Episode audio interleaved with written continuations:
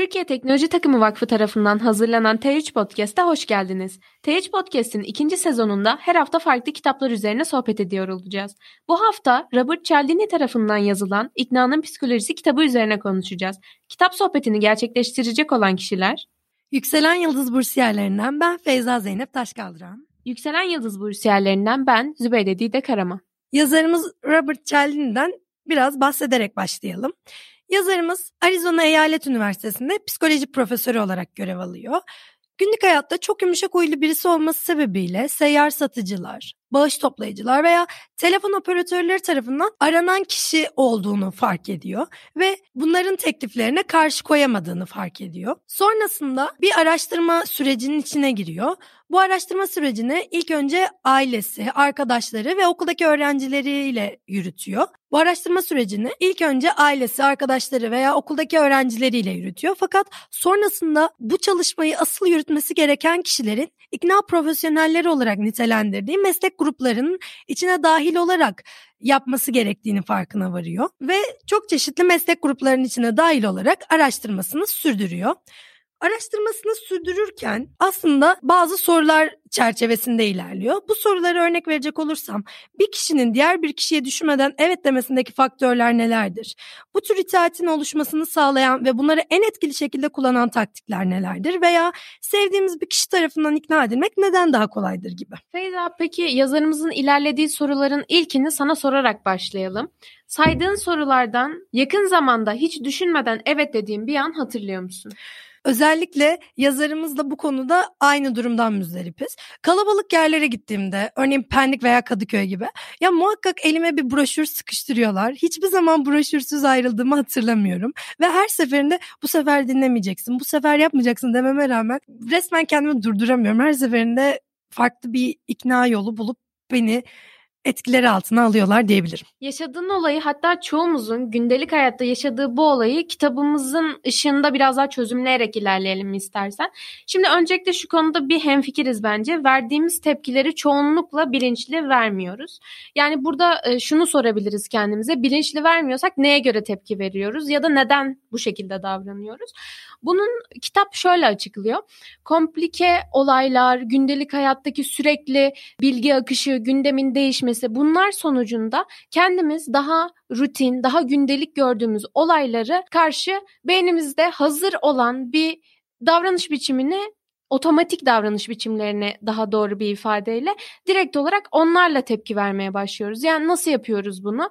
Örneğin senin zihninde kitap bunları kaset olarak adlandırıyor. Feyza sen mesela Kadıköy'de bir anketör gördüğünde zihninde direkt olarak anketör kaseti oynatılmaya başlıyor. Sen yaptığın şeylerin farkına varmadan aslında ona cevap vermiş, onun istediğini yapmış ya da belki anketi cevaplamış, bağış toplamış, bir yere başvurmuş. Yani bunları yapmış şekilde buluyorsun kendini. Bunun temel sebebi dediğim gibi gibi fazla bilgi akışı, yaşadığımız şeyler, gündelik yoğunluklar sonucunda rutin olaylara karşı oluşturduğumuz otomatik tepki modelleri. Burada temel sorun şu. Bu otomatik tepki modelleri davranışlarımız üzerinde sandığımızdan çok daha fazla etkili ve biz bunun farkında değiliz.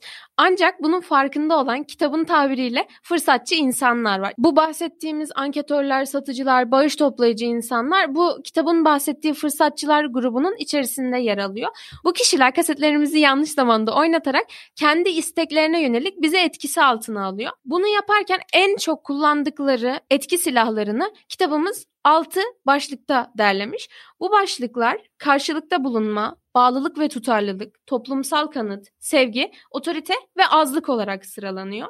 Şimdi tekrar senin örneğine dönecek olursak, sen Kadıköy'de yürürken karşına çıkan anketör seni ilk etapta şaşırtıyor. Şaşıran insan da tabii ki daha çekingen bir şekilde davranıyor ve aldığı kararlardan emin olma düzeyi biraz daha normale göre düşüyor.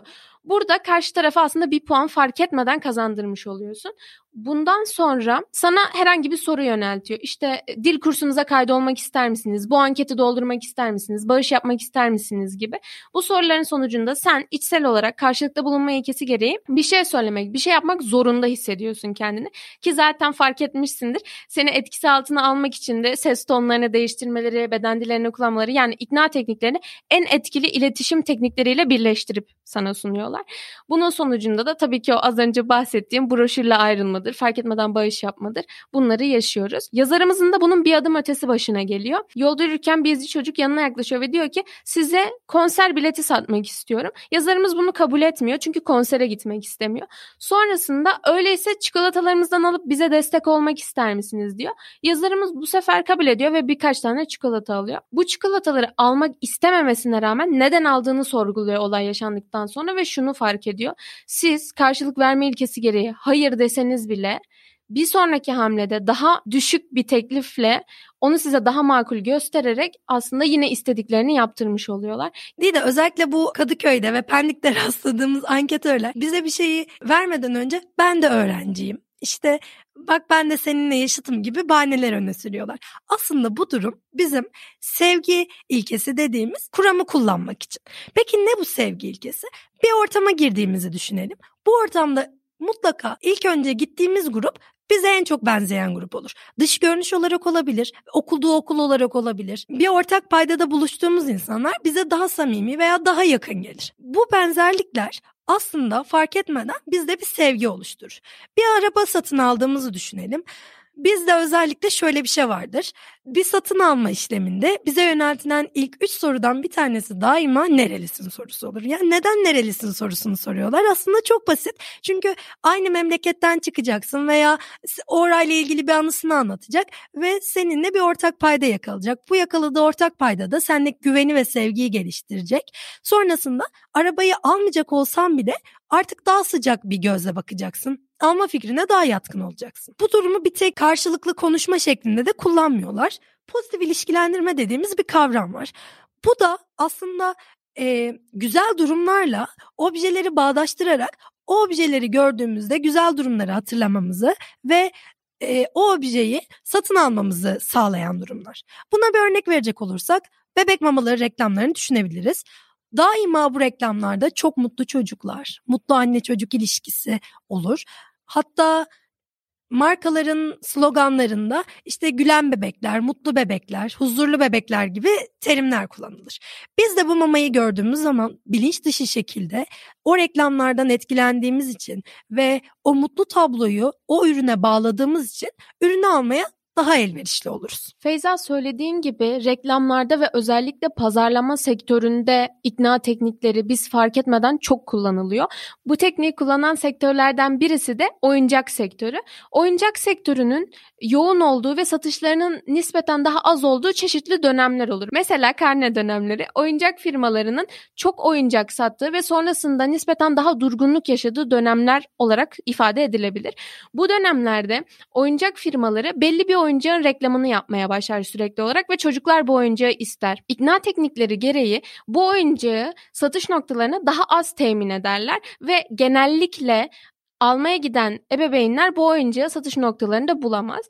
Bunun sebebi birinci ilke olarak azlık ilkesini söyleyebiliriz. Bir şey ne kadar azsa o kadar kıymetlidir gibi düşünüyoruz. Aslında bunu kullanıyorlar. Bunun yanında arka planda bağlılık ve tutarlılık ilkesi kullanılıyor. Olayların devamında oyuncağı gidip de alamayan ebeveyn başka oyuncaklar alarak belki daha fazla oyuncak alarak yaptığını telafi etmeye, verdiği sözü tutmaya çalışıyor.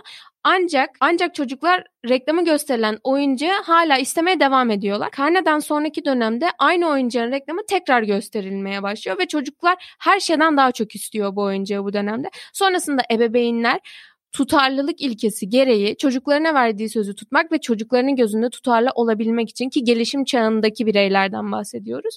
Bundan dolayı tekrar gidip aynı oyuncağı alıyorlar. Yani yoğun dönemde satılacak oyuncağı daha durgun dönemde satmayı başarıyorlar. Oyuncak firmaları da bu ikna tekniklerini en etkili şekilde kullanan ve bunu pazarlama stratejilerine uyarlayan sektörlerden bir tanesi. Değil de aslında bu anne babaların çocuklarına oyuncakları almalarının arkasında bir bağlılık ilkesinden bahsetti.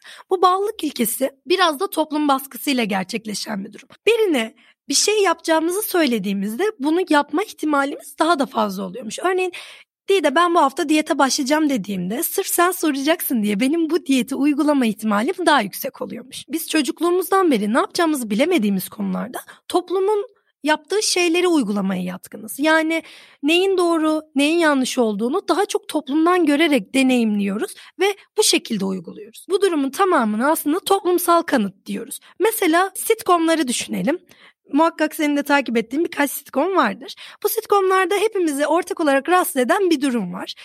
Bu arkadaki konser ve kahkaha dediğimiz gülme sesleri. Bu sesler diziye eklendiğinde o sahnenin bize komik gelme ihtimali artıyormuş. Hatta belki de daha az güleceğimiz bir sahneye çok daha fazla bir süre gülüyormuşuz ve izlenmeleri artıyormuş. Yani aslında bu kasıtlı olarak uygulanan bir durummuş. Daha böyle çokça örnek vermek mümkün ama ben şimdi New York'ta yaşanan bir cinayetten bahsedeceğim. Genç bir kadın Akşam saatlerinde iş yerinden çıkıyor ve yolda giderken bıçaklı bir saldırıya uğruyor. Aslında bu durum normal bir cinayet öyküsü olarak yerini alıp üstü kapatılabilirdi. Fakat sonrasında yapılan bir araştırma gösteriyor ki bu cinayet gerçekleşirken orada 38 kişi bulunuyormuş. Yani evlerinde bulunuyor olabilirler veya çevrede bulunuyor olabilirler ama 38 kişi o an oradaymış ve hiçbiri herhangi bir şey yapmamış. Hatta hırsız arada ses duyup kaçmış ama sonra kimsenin gelmediğini görünce bıçaklamaya devam etmiş. Sonrasında görgü tanıklarının birkaçıyla konuşma gerçekleşiyor. Neden herhangi bir tepki vermedikleri soruluyor fakat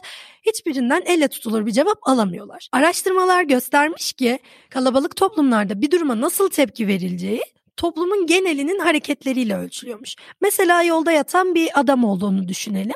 Bu adam kalp krizi mi geçiriyor, bir hastalığı mı var yoksa uyukluyor mu veya başka bir sebepten dolayı mı orada? Bunu acil durum olarak algılayabilmemiz için toplumdan insanların tepki vermesi gerekiyormuş.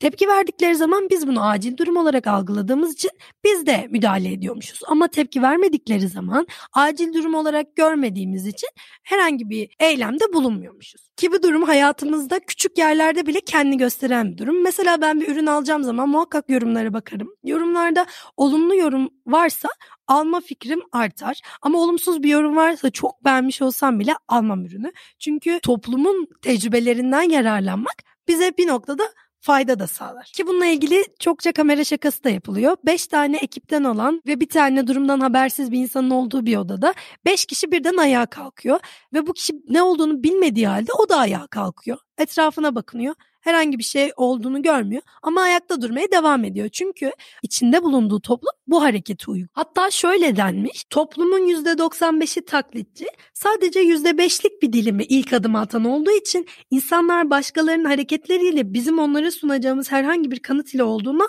daha kolay ikna olmak taymış. Feyza verdiğin örnekler çok güzel ve en sonda söylediğin toplumun %95'i taklitçi kısmında aslında toplumun içinde çok ikna tekniklerine hakim olan taklitçi bir ekip daha var. Ben de bunu eklemek istiyorum. Bunlar maalesef ki dolandırıcılar. Dolandırıcılar da ikna tekniklerini en etkili şekilde kullanan ekiplerden bir tanesi. Dolandırıcıların en çok kullandığı ilke başta saydığımız ilkelerden otorite ilkesi.